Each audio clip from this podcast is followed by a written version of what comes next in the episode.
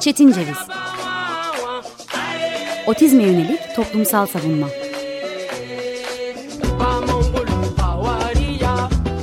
Hazırlayan ve sunan Deniz Yazgan Merhaba, 95.0 Açık Radyo'dayız. Ben Deniz Yazgan Şenay. Bugün 23 Ağustos 2023 Çarşamba. Kainatın tüm nöroçeşitlerine açık açık radyoda otizmin gününü, güncelini, otizme dair gelişmeleri tartıştığımız Çetin Ceviz programındayız.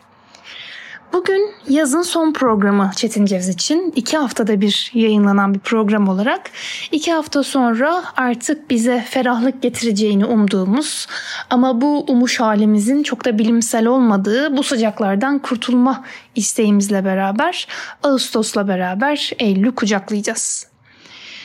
Bu yaz neler oldu diye baktığımızda elbette programları özetlemek değil, program özetlerini e, müdavim kulak misafirlerimizin bileceği üzere genellikle 1 Temmuz gibi yılın ortasında yapmaya çalışıyoruz ama bu yaz konuşmadığımız kısımlarda neler olduğu tekrar bir gündeme getirmek isterim. Öncelikle otistiğin ve otistiğin yakınlarının kıyı ve tatil hakkından söz etmek çok güçtü.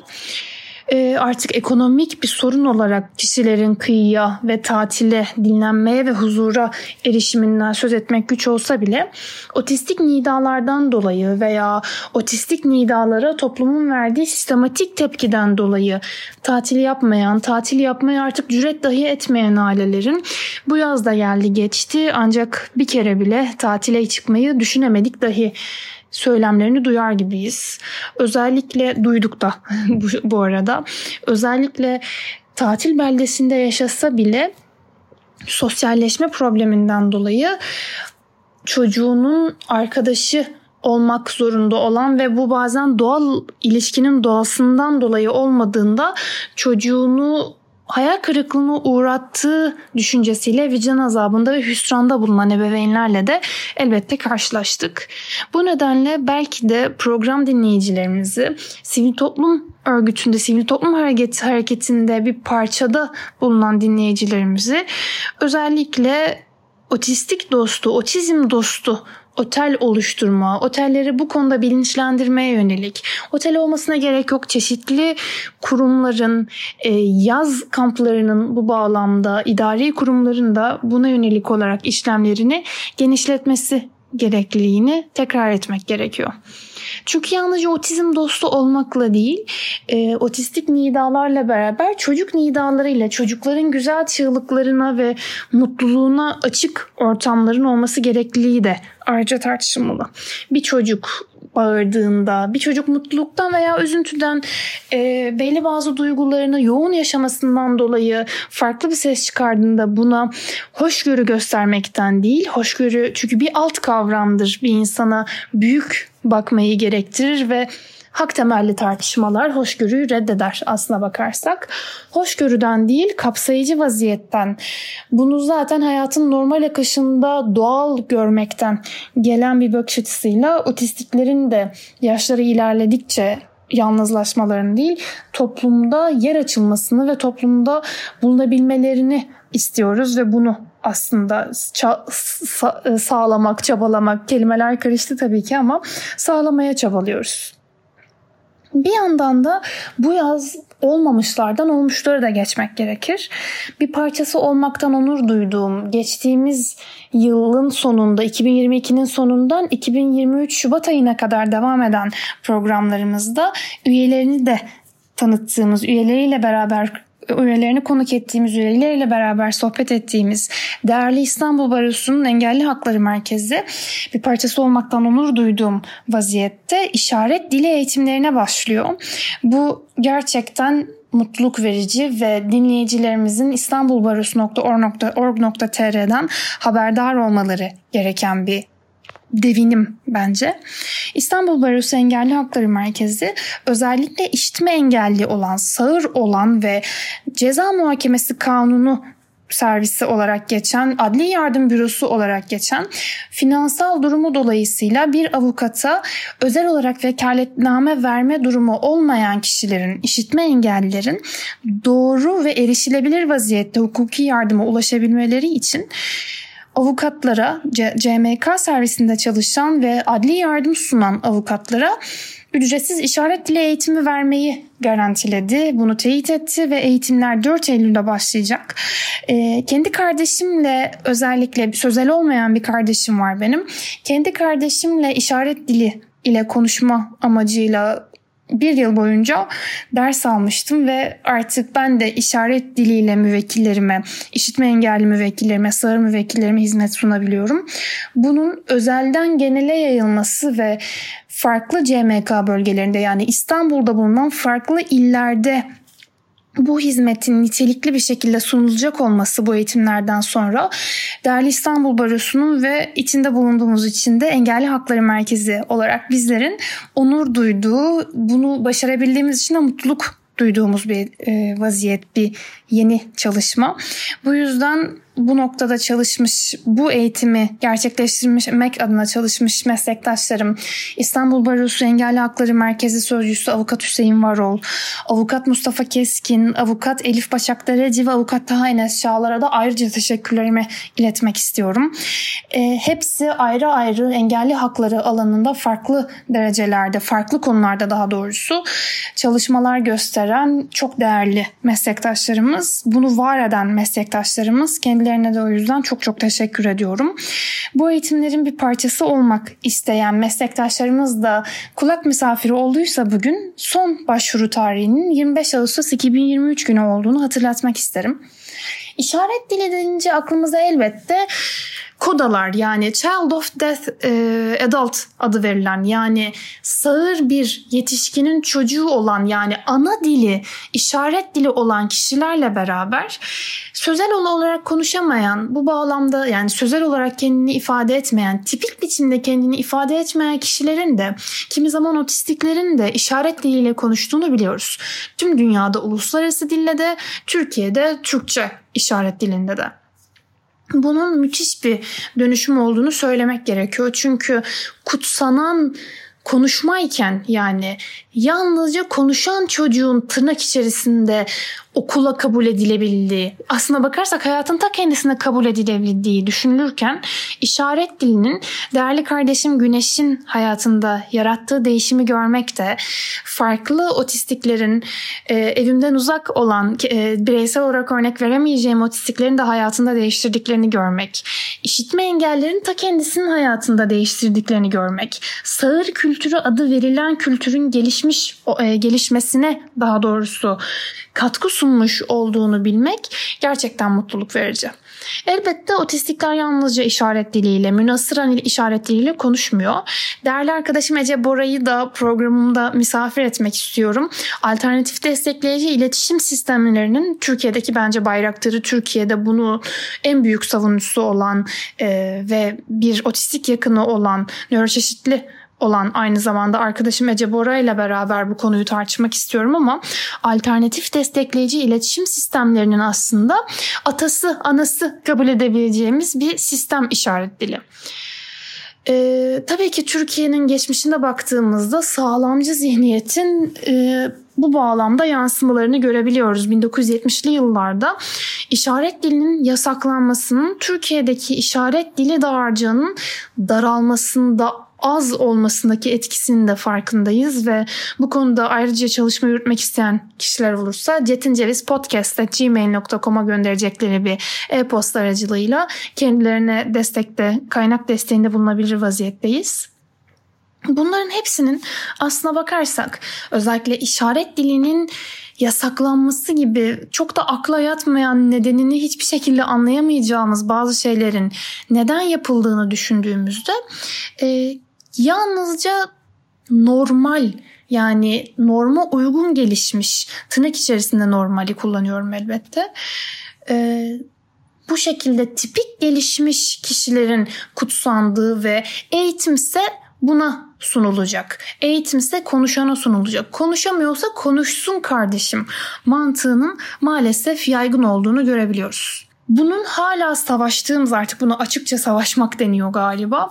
Mücadele ettiğimiz unsurları da var. Özellikle kariyerist ve davranışçı eğitim modelini savunan kişilerin maalesef hala konuşsun, gözümün içine baksın gibi diretmelerle e, hiçbir şekilde duyu bütünlüğünü, duyu yüklenmesini göze e, almadan, daha doğrusu bunu dikkate almadan yaklaşımda bulunmanın çok korkunç vaziyetlere de kişilere getirdiğini önceki programlarımızda defaatle dile getirmiştim zaten. Alternatif destekleyici iletişim sistemlerinin ben yalnızca bir takipçisiyim.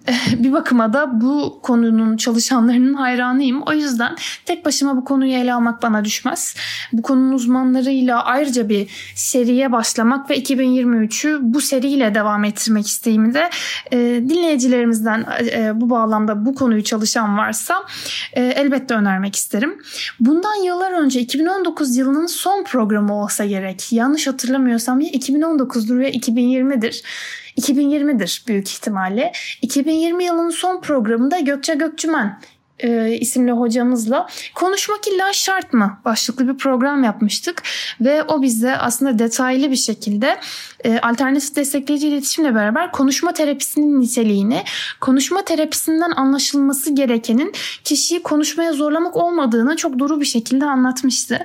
E, gerek Açık Radyo'nun kayıt arşivinde gerekse Spotify'da, Google, Google Podcast'te, Apple Podcast'te bu programa erişimi mümkün. O yüzden ben parçası olmaktan da onur duyduğum İstanbul Barosu'nun işaret dili eğitiminin neleri sağlayacağını anlatarak devam edeyim en iyisi. İşaret dilini bilen bir avukatın var olması tek başına elbette güzel bir şeydir ama sistematik olarak meslektaşlarımıza, genç meslektaşlarımıza, bu konuyla ilgilenen meslektaşlarımıza CMK yapan diye bizim bahsettiğimiz yani ceza muhakemesi kanunu servisi olarak kısaltılmış CMK servisidir kısaltılması ama aslına bakarsak e, bir suçun faili olmuş kişiye ücretsiz avukat atama sisteminde bu kişinin işitme engelli olmasını da öngörecek vaziyette bu dili bilen kişinin, işaret dilini bilen kişinin bu bağlamda şüpheliye diyelim bu vaziyette şüpheliye atanmış olması kişinin doğru vaziyette durumunu anlaması, hangi suçla karşı karşıya olduğunu, hangi suçun kendisine yüklendiğini yani isnat edildiğini bilmesi gerçekten büyük bir devinim olacaktır. Çünkü işaret dilini çoğu zaman Türkçe'de karşılığı tipik Türkçe'de karşılığı olmayan kelimelerden dolayı bir kişiye evrakta sahtecilikten yargılanıyorsunu anlatmak kimi zaman zor olabilir. Nitelikli hırsızlık kelimesini anlatmak kimi zaman zor olabilir. Ancak işaret dilini iyi bilen ve işaret dilindeki kelimelere Türkçedeki kavramları uyarlamayı bilen bir meslektaşımızın doğru vaziyette bunu şüpheliye aktarması kesinlikle bir devinim yaratacaktır. Kesinlikle bir farklılık yaratacaktır ve aslına bakarsak doğru hukuki yardım sunmak da erişilebilir kapsayıcı hukuki yardım sunmak da budur. O yüzden işaret dili bilen meslektaşlarımızın çoğalması özellikle ana dili yani annesi babası iş, işitme engelli olan kişilerin ana dili koda iken farklı durumlarda da örneğin bir çocukken de suça sürüklenmiş bir çocuktan söz ediyorsak da bambaşka etkiler yaratacaktır diye düşünüyorum. Yaratacağına da eminim bu ekibin bir parçası olmaktan dolayı e, işaret dili bilen bir avukat olmamdan dolayı da aslında bu çalışmalardan dolayı yaptığımız her şeyden de gurur duyuyorum. Bu programımızı Çetin Ceviz'i de olabildiğince sık bir şekilde işitme engelli katılımcılarımızın, takipçilerimizin de programdan haberdar olması için tape ederek, bunu yazıya dökerek programı taşıyoruz. Kerem Bey'e de bu yüzden ayrıca teşekkür etmek istiyorum bunu bana kolaylıkla sağladığı için. Bu bağlamda yapılacak çok şeyin olduğu açık ee, ve ne mutlu ki gerek baroda, gerek radyoda, gerek sivil toplum örgütlerinde, gerekse farklı bileşenlerle beraber bu çalışmaları yapmaya devam ediyoruz. Farklı bileşenlerin kim olduğu her zaman değişebilir ve fakat farklı bileşenlerin çoğalması en büyük amacımız. Bileşenlerden söz etmişken belki de engelliliği tamamen etkileyecek, daha doğrusu engelli yazılımını ve engelli topluluğunu tamamen etkileyecek bir karara gebeyiz şu anda Anayasa Mahkemesi'nde. 2019 300 e, pardon 35139 başvuru numaralı başvurunun gündeme alınacağı söylendi ve başvurunun özel eğitim gereksinimi olan anaokulu öğrencisinin önce okul kaydını yapmayarak okul kaydını yaptıktan sonra ise baskı uygulayıp okuldan ayrılmasına neden olarak eğitim hakkının bu konuyla ilgili olarak savcılığa yapılan şikayetlerin de sonuçsuz kalması nedeniyle de adil yargılanma hakkının ihlal edildiği iddialarının değerlendirileceğini öğrendik Anayasa Mahkemesi'nin web sitesinde. 5 Eylül 2023 gününü bu nedenle iple çekiyoruz. Küçük bir hesap yaptığımda büyük ihtimalle 6 Eylül'e geliyor. Evet 6 Eylül'de bizim yeni programımız. Büyük ihtimalle karardan hemen haberdar olamayacağız. Ancak programımızda mutlaka ve mutlaka bu kararda yer vermeyi düşünüyorum. Yer vereceğim büyük ihtimalle. Çünkü bir avukat olarak da yaşadığım en büyük sorunlardan bir tanesi e, savcılığa yapılan şikayetlerin neredeyse bir kara delik etkisi yaratarak yıllar boyunca hiçbir şekilde geri dönüş alınamıyor, alınamaz vaziyete gelmesi ve aslına bakarsak özel eğitim gereksinimi olan diye Anayasa Mahkemesi'nin de aslında tanımlaştırdığı, kimi zaman otistik olan, kimi zaman dikkat eksikliği, hiperaktivite bozukluğu olan nöro çeşitli olan çocukların eğitimin insicamını bozacağına yönelik bu kesin kanaatten dolayı savcıların da e ne yapalım şimdi tavrıyla çocukları anaokulu yaşından itibaren aslına bakarsak bir unutma silsilesine itiyor olması. Bunu bu kadar açıkça söylemek bence mümkün. Anayasa Mahkemesi de bu kadar açıkça belirttiği için daha doğrusu iddiaları bu kadar açıkça belirttiği için burada bir politik olarak doğru bir e, fırça sürmediği için bu tablonun üzerine ben de bu şekilde söylemekte bir gerek e, söylemekte bir beis görmüyorum aslına bakarsak. Anayasa Mahkemesi'nin o yüzden bu kararının e, kabul edilebilirlikle ve ardından ihlalle sonuçlanması en büyük istemimiz e, olayın niteliğiyle beraber Anayasa Mahkemesi'nin dosya kontrol edasından çıkarak küçük detaylara takılmadan hakkın kendisine hak ihlali iddiasının kendisine odaklanması en büyük isteğimiz. Bu konuda da bu karar verildikten sonra bu konunun uzmanlarıyla e, artık bizim Anayasa Mahkemesi ve Avrupa İnsan Hakları Mahkemesi tezenesi olarak e, tanımladığım benim değerli meslektaşım, değerli büyüğüm e, avukat Tuğçe Duygu Göksal'la bunu ayrıca ele almayı çok çok isterim kesinlikle.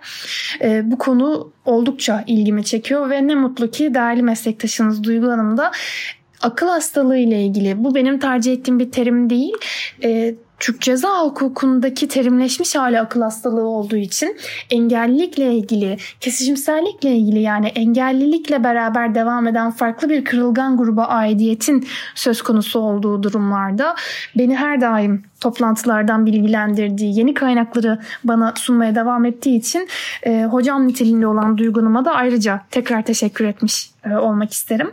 E, yine bir pandemi döneminde beraberce uzaklardan evlerimizden bağlanarak kendisiyle bir program yapmıştık. Bu programı da tekraren kayıt arşivinden ve podcastlerden dinlemek mümkün.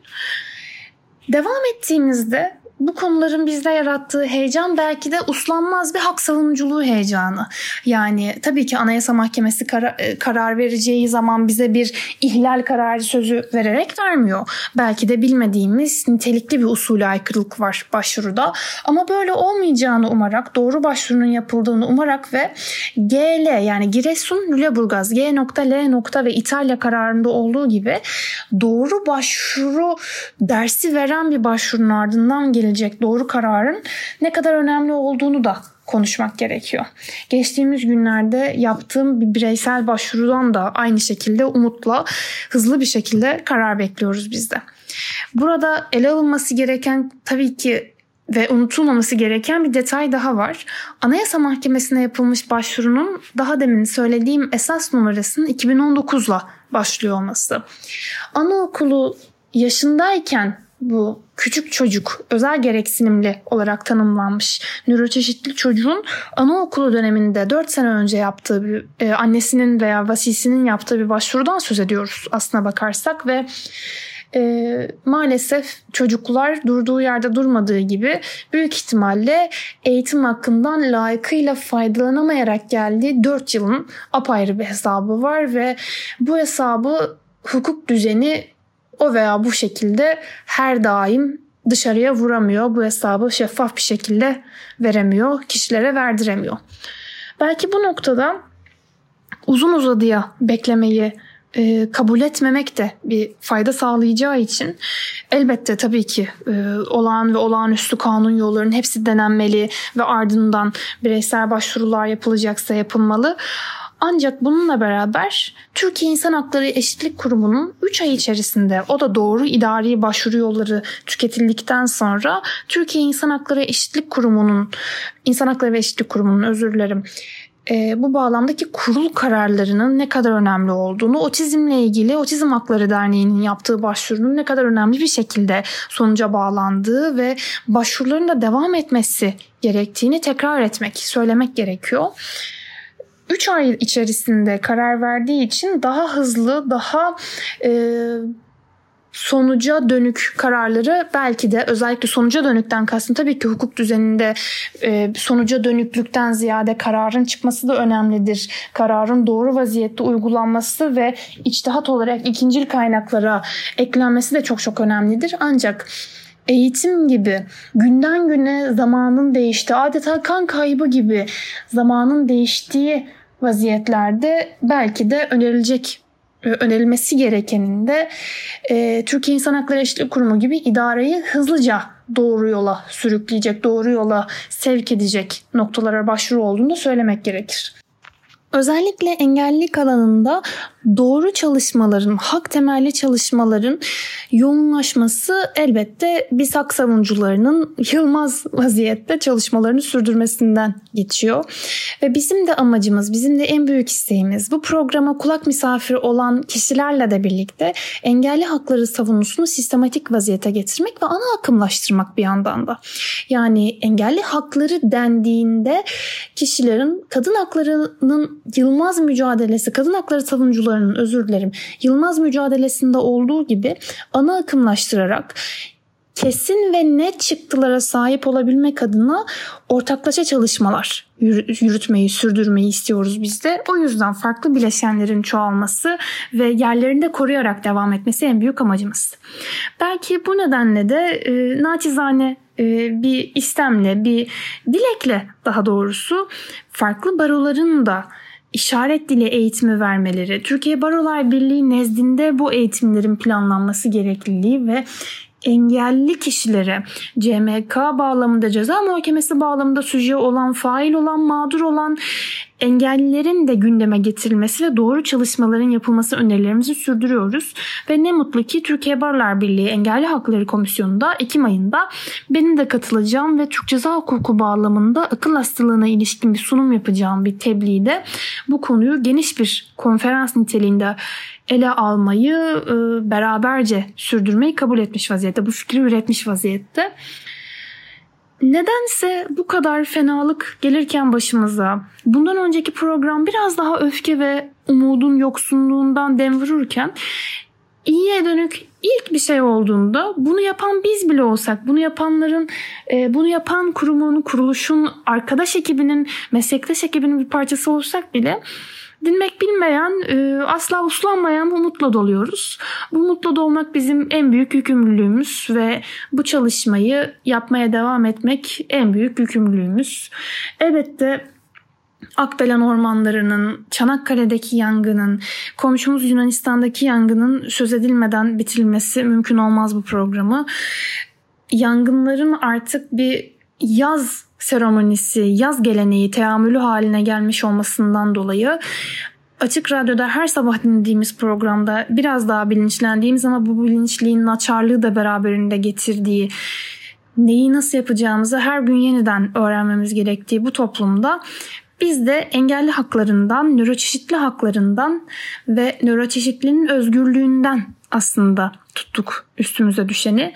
Umarım daha holistik çalışmalarda, bütüncül çalışmalarda çevre hakları aktivistlerinin engellilikten de haberdar olduğu, bizlerin çevre haklarına dair daha derinlemesine bilgi alabildiği nice güzel anlarda bu yangınları söndürebildiğimiz ve engelleyebildiğimiz anlarda da buluşacağız. Çünkü yinelemek durumundayım galiba müzmin bir şekilde umut etmek bizim sorumluluğumuz. İki hafta sonra Güz'ün görüşmek üzere. Güz'ün bize getirdiklerini, Anayasa Mahkemesi kararının merakla nerelere geleceğini düşündüğümüz ve alternatif destekleyici iletişim sistemlerini artık daha sistematik bir şekilde ele aldığımız bir programda görüşmek üzere. Hoşçakalın. Programa dair eleştirilerinizi ve düşüncelerinizi detincevizpodcast.gmail.com adresinden veya Twitter adresinden direkt olarak bana Deniz Yazgan Şenay ismiyle paylaştığınızda hemen çıkacak hesaba aktarabilirsiniz. İyi haftalar.